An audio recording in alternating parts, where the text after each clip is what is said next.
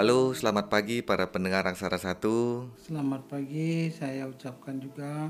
Selamat pagi di hari Minggu ini kita kembali lagi. Saya Mangku Sanjaya Dan saya sendiri Pekak Suta kembali. Kita tetap di channel Aksara Satu. Ya, bersama-sama nanti kita akan membahas episode yang ke Ke 13, 13 Kak Suta. ya mengenai Jadi episode 13 sekarang. Angka cantik. angka cantik dan ukunya nanti adalah uku yang ke 9 Uku ke-9 yaitu Uku Juluwangi. Nah, wangi. sebelum saya masuk ke horoskopnya, apa kata Warige dan apa ada di tulisan Warige, eh, sedikit bertanya Kak Suta dari sebuah nama Juluwangi. Ju apa artinya? Julung Wangi. Kalau di Balinya namanya Julung Wangi. Kalau di Jawa sama. Ya, Bali dan Jawanya sama namanya karena Julung Wangi ini adalah arti dari kelahiran ini karena yang banyak menceritakan mengenai eh, sejarah tentang perwuku itu adalah Primbon Jawa. Ya. Jadi dari Primbon Jawa ini adalah kelahiran yang diawali dengan keharuman. Oke. Jadi ketika anak ke sembilan dari eh, Dewi Sinta Dewi ini Sinta. lahir eh, itu terjadi mungkin satu keanehan yang ditulis oleh Primbon Jawa eh, ada bau harumnya Oke. makanya yang terlahir pada uku ini diberi nama Julung, Julung Wangi. Wangi. Oh, ya. Jadi Julung Wangi itu artinya sebuah kelahiran yang harum ya. Jadi Ya, jadi beraroma atau eh, memiliki keharuman tersendiri kalau di, diartikan ke cerita dari eh, Primbon Jawa itu. ya, Tapi kan tidak bisa ditepungkiri juga Kak Suta. Jadi eh, istilahnya Wariga memang lahir di Jawa. Ini adalah eh, asli dari ya. budaya Indonesia. asli budaya Indonesia, Indonesia dari kemudian Jawa. risetnya juga dilakukan di tanah Indonesia, Indonesia ya. sehingga eh, dari hasil riset itu disimpulkan beberapa kesimpulan maka adalah yang disebut dengan perhitungan, Perhitungan. atau yang disebut dengan primbon atau di Bali dikenal dengan nama eh, wariga Wariga. Oke.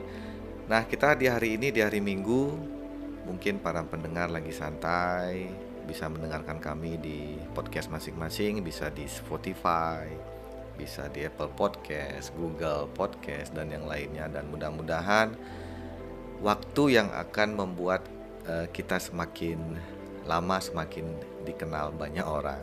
Tapi ya ini cuman eh, kita bisa bilang kita menyalurkan apa yang menjadi tujuan kita untuk melestarikan budaya Wariga ini tentunya budaya Indonesia asli di mana kita balut dalam sebuah hiburan horoskop. ya Nah, Kak Suta masuk ke buku Julung Wangi ini, karakter yang saya saya baca yang sejauh ini Julung Wangi itu yang paling pertama adalah sebuah eh, karakter di mana orang yang lahir di Julung Wangi ini paling gampang dekat dengan orang-orang besar.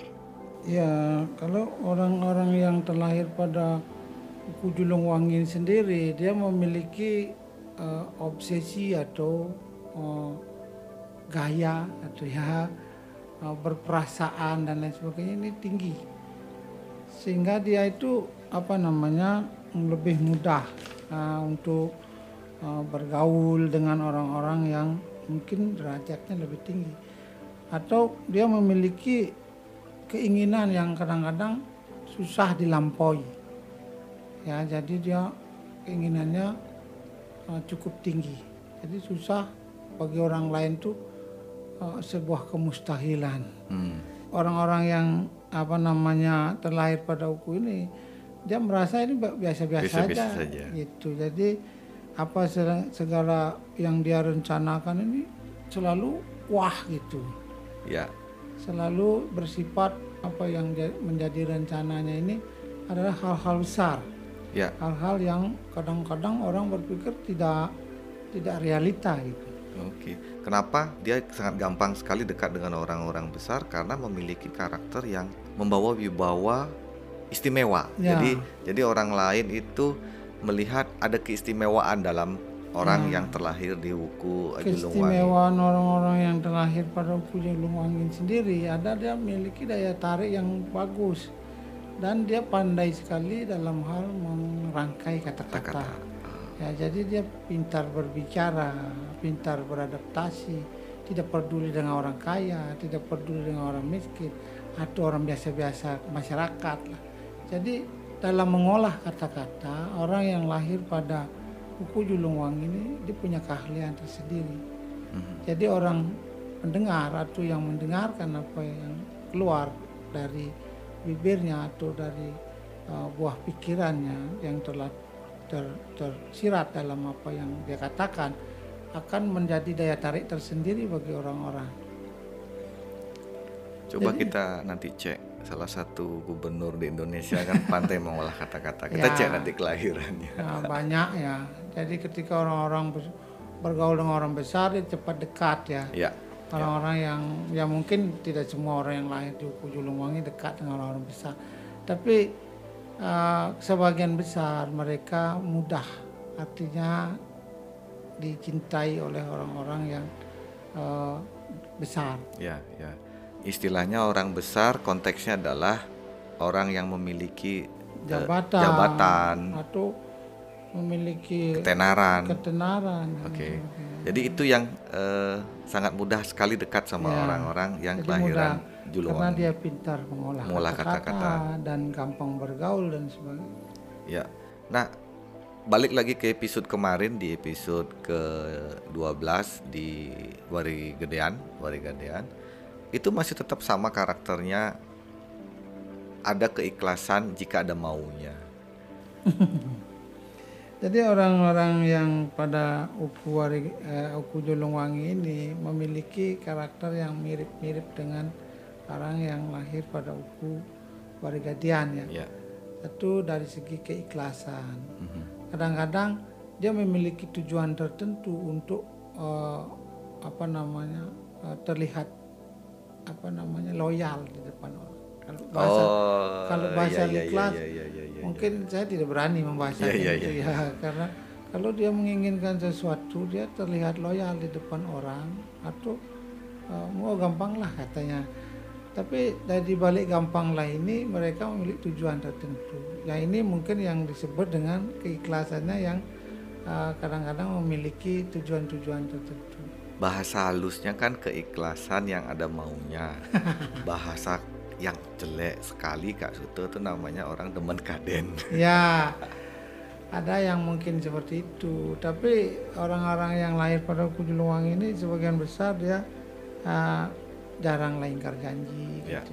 Tidak, tapi benar. Cuma memang mungkin kata orang eh, dia loyal karena ada Ada maunya. ada maunya.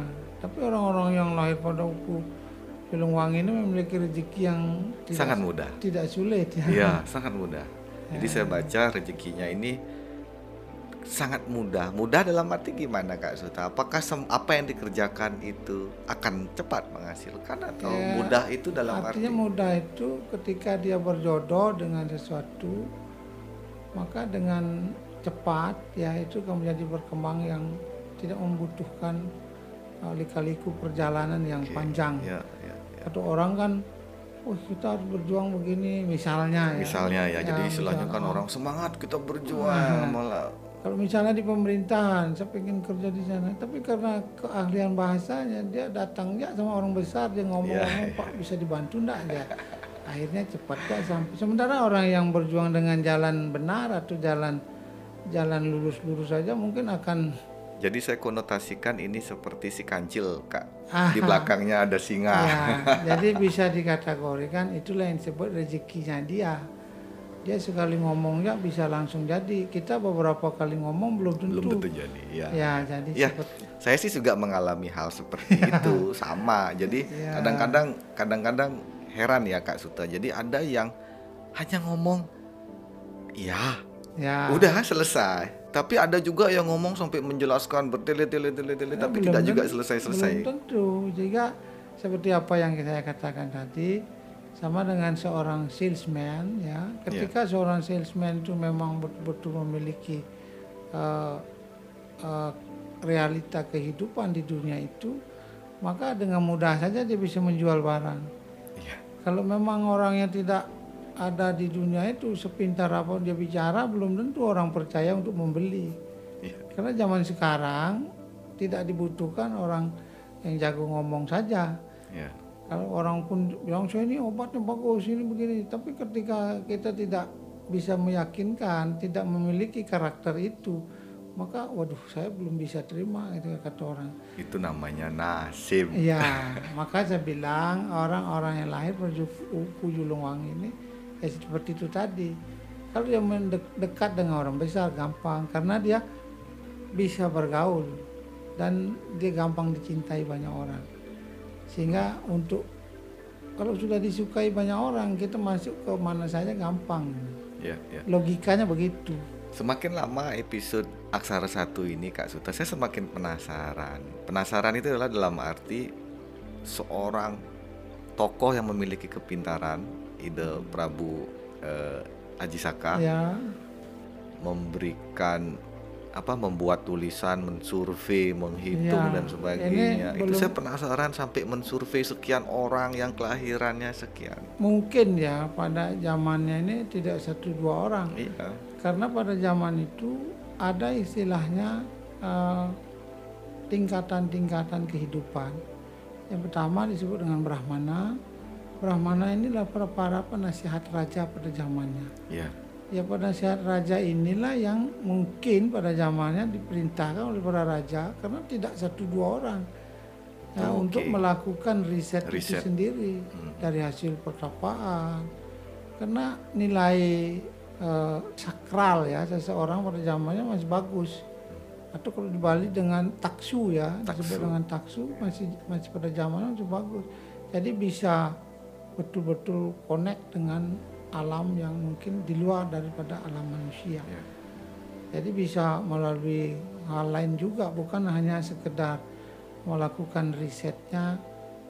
Nah, kalau menurut saya sih banyak banyak yang realitanya dilakukan melalui riset ya. Iya. Karena warigo ini banyak sekali. Misalnya warigo padewasan. Hmm.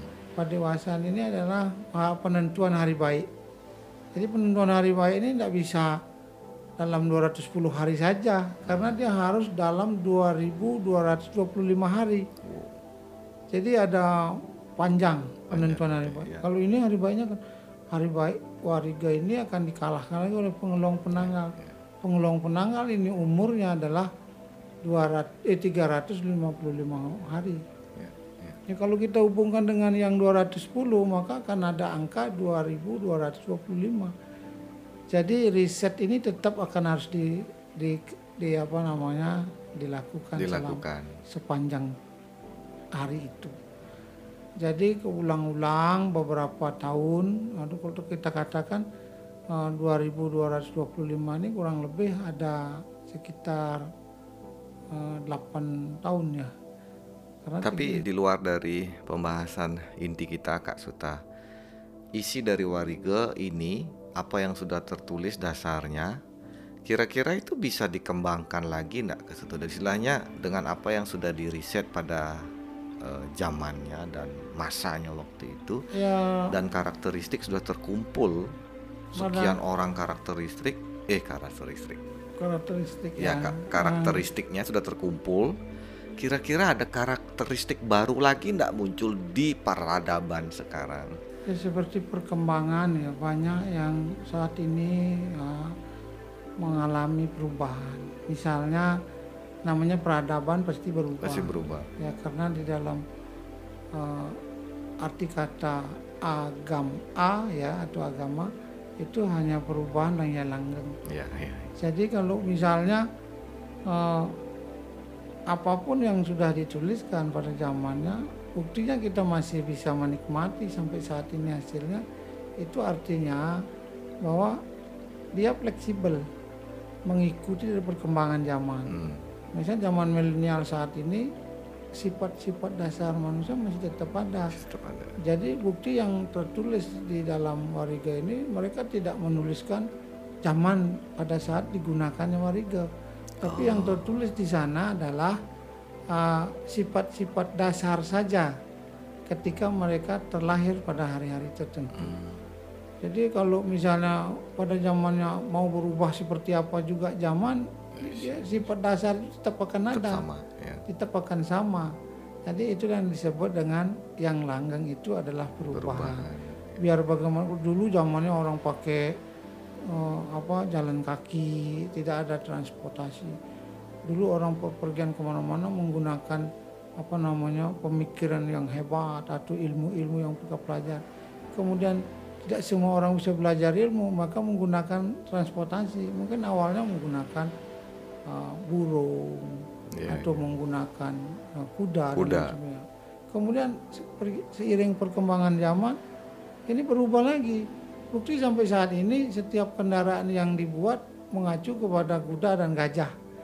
Jadi tenaganya adalah berapa kali tenaga ya, ya, berapa- berapa kali Berapa tenaga kali kuda tenaga kuda atau beberapa kali tenaga gajah. gajah?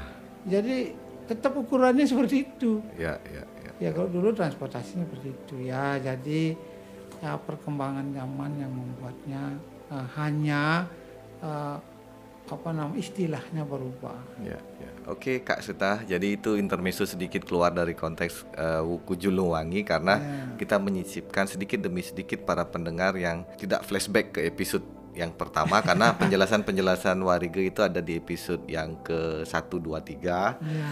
Nah, oke untuk yang di pagi hari ini hari Minggu ini kita cukupkan sampai di sini Kak Suta. Oke. Soalnya kita berhari Minggu juga. Jadi mohon maaf ketika mungkin ada yang kurang berkenan apa yang kita sampaikan. Tapi kembali saya sampaikan di sini semua ini adalah eh, apalagi dengan umur saya yang relatif masih eh, di bawah ya. Ini hanyalah hasil di mana kita mendapat membaca apa yang sudah menjadi peninggalan. ya. Terlepas dari kebenaran itu sendiri, itu kembali kepada manusianya atau orangnya masing-masing. Terima kasih banyak untuk para pendengar podcast Aksara 1 dan buat para pendengar yang memang selalu berinteraksi dengan kami melalui WhatsApp di 081 1383 1413 itu terima kasih banyak dan mohon bersabar para pendengar Aksara 1 karena memang kita episodenya adalah per episode kita masuk ke uku dengan sifat dasar. Jadi sampai dengan wuku yang para pendengar inginkan nanti, mohon untuk selalu tetap stay tune atau selalu tetap mendengarkan podcast Aksara 1. Kita selalu ada di setiap hari Rabu dan juga Minggu. Oke, sampai di sini. Sampai ketemu di episode selanjutnya.